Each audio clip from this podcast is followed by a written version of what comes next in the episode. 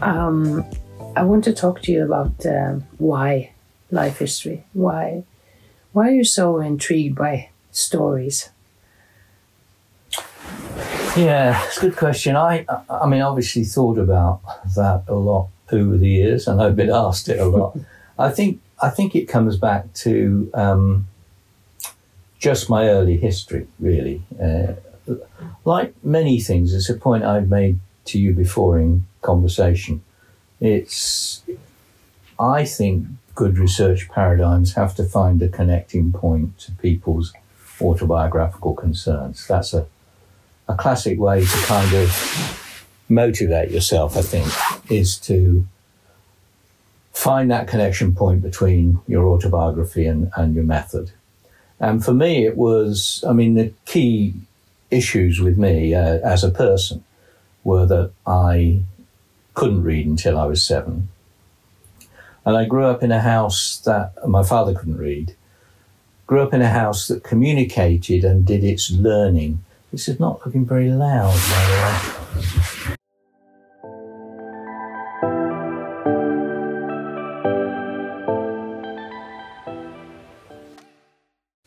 So, Liz, we're just continuing from the previous um, thing, which we stopped because it didn't seem very loud.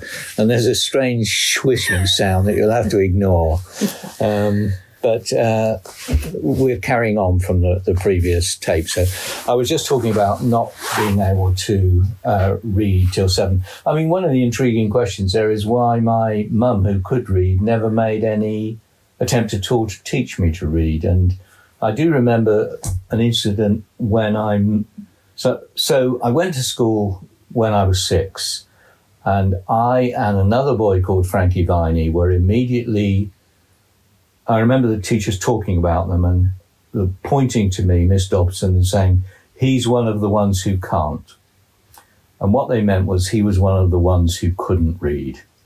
And there were two boys who couldn't, and one was me, and one was Frankie Viney, who all the other boys said was simple. He was a simpleton.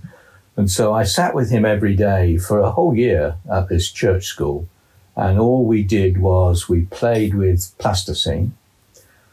Uh, the teachers didn't, never spoke to us the whole year.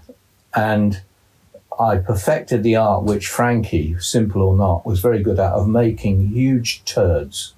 And our job all day Frankie said our job is to make turds. So we would make large and different shaped and quite funny. The, the knack was to make each other laugh by the shape of the turd. That was that. And that was what we did mm-hmm. with plasticine. Different turds, great piles of turds by the end of the day. Um, and so at this point, mum and dad said, obviously worked out I wasn't doing very well at school. And by then, a Labour government had been elected and they created a new school in the next village, a village called Earley.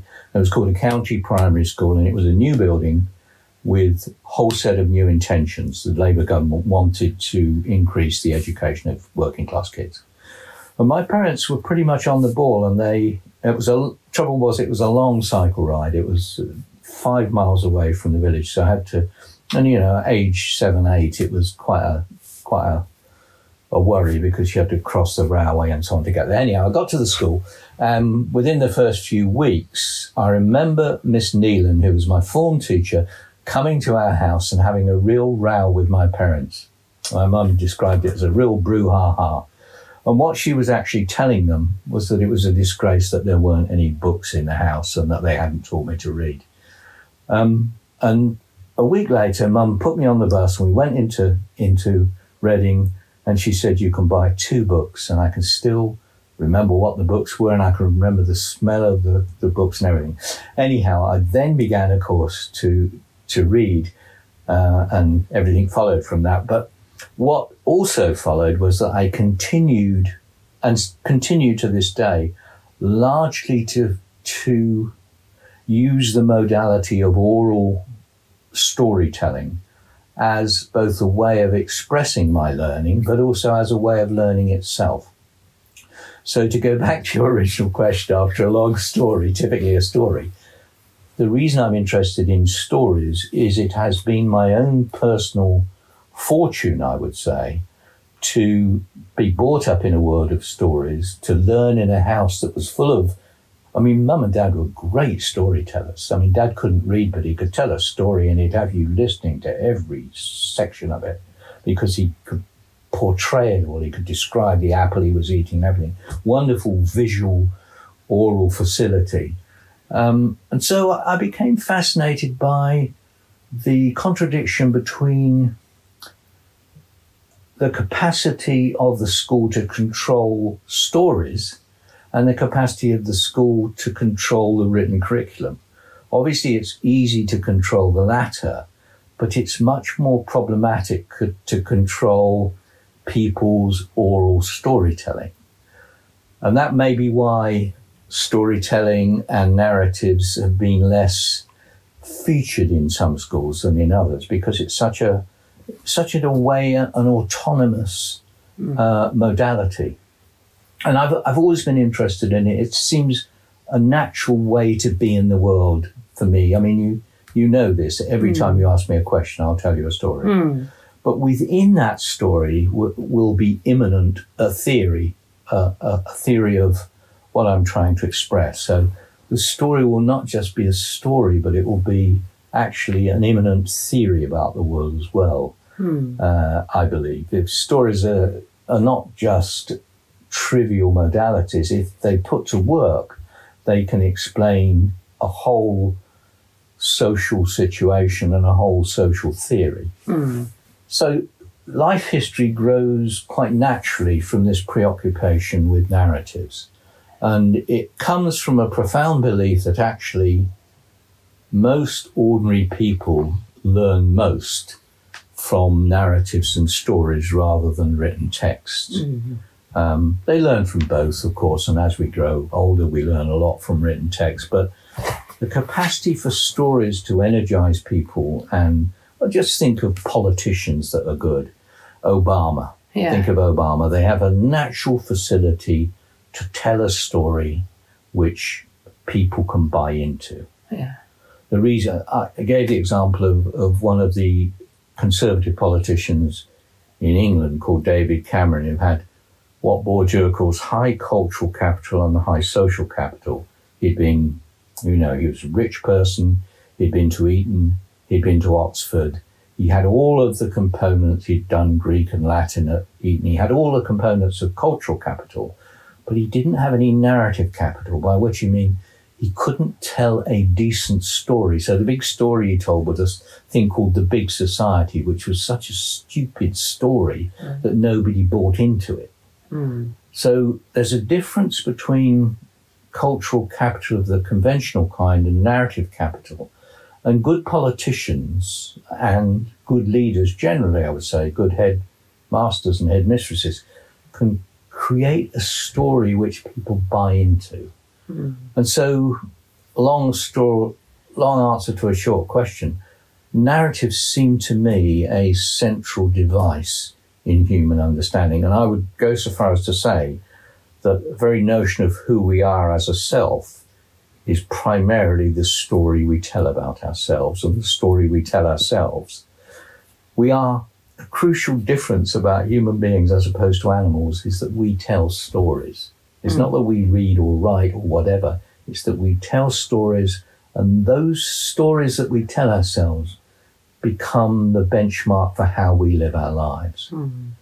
So if you try and understand a person without understanding their narrative or their life story, you're not going to get very far in understanding them. Mm. So I see it as a central explanatory device in human transactions. Mm. Now, your narrative is very much about your background, your upbringing, your tribe, so to say. That you come from a working class background. It's very much of your narrative capital, I would say, won't you? Mm-hmm. You talk a lot about that. And at the same time, you have gone, I wouldn't say beyond, but you've gone in a direction perhaps away from your tribe and gone into you you said you went to university because of this teacher who got you back into school and saw something in you, some potential. Um, even though you did come from a tribe that maybe didn't push or encourage you necessarily to go to school or, or to university, but you did. And much because of that teacher. And you went to university and you've become a famous professor. You've written lots of books, almost a hundred books, and you've had loads of PhD students, being one of them. And uh, I think there's a contradiction for me, you know, it's like how, because I find you to be somehow rebellious and always talking about your, you know, background and who you are. It's never been uh, something you would hide or you're proud of who you are. And then at the same time, you're this academic person that's, you know, we would consider to be, you know, in a very different class or position in life. How is that? How can you live with that contradiction? I don't see it as a contradiction. I see it as a challenge. Um, the challenge, in my terms, is how do you. It's not that I, I'm proud of what I've done, I'm proud of the people I came from. Uh, in a real sense, I don't mean that romantically or piously. I'm proud of them. They were a cracking good group of people, very helpful. weren't the slightest bit interested in me going to university or anything like that, but as friends and colleagues and soulmates, a better bunch of people I've never met. Mm. So the question, the challenge as I saw it, which continues to be the challenge even as an old man, is how do you retain your sense of yourself as a member of a particular tribe that you honor and still journey out into the world and do all sorts of other things. Because you have to journey out into the world and do those other things in a way if you want to be, so to speak, a missionary for your tribe to try and Mm. in trying to help the conditions of their living. Um, that's the point of the journey. So the challenge is how do you go out into the world, mix in um, much more bourgeois circumstances, bourgeois professions, um, respectable kind of villages, rich villages. How do you live like that and not lose um, what you regard as an essential part of yourself. And why is that important? It's important at the level of identity projects, but crucially for me, it's the question of how you um, you patrol the morality of your actions in the world. So, one way would be to leave a group behind, become a member of another group, and act in the interests of another group. A more moral line, which I've tried to follow, would be to continue to honor where you came from, to continue to negotiate with the groups that you move into, but continue to hold on to that moral fiber which began early in your life. So, Melvyn Bragg says he was determined to go out into the world, but not to leave. And I'm the same. I'm determined to go out into the world, to see the world, to act in the wider world, but not to leave the sense of what I am. And there's a, a wonderful film that I recommend you see, which is called Belfast, and it's about an actor called Kenneth Branagh, one of the best actors that we have, uh, who comes from Northern Ireland, and he's made this wonderful film now. He's in his 60s about Belfast. And in it, you see his grandfather said to it, says to him, always remember, you'll be Billy from Belfast, you'll be Buddy from Belfast 7 all of your life. And what he's done in making this film, as he says, is having gone around the world and acted in Shakespeare and done everything, he's basically saying, I'm still Buddy from Belfast. And I can completely relate to that. Mm. So you defend what you regard, mythically or not, as a version of yourself that you wish to honor and a group of people you wish to honor and act for. And you, these are non-negotiables. So that narrative and that endless iteration of that is a way of making sure that you don't change your essential loyalties in any meaningful way. That you remain loyal and on target for the people that you wish to honor. Mm. Does that make any sense? Yeah, well said.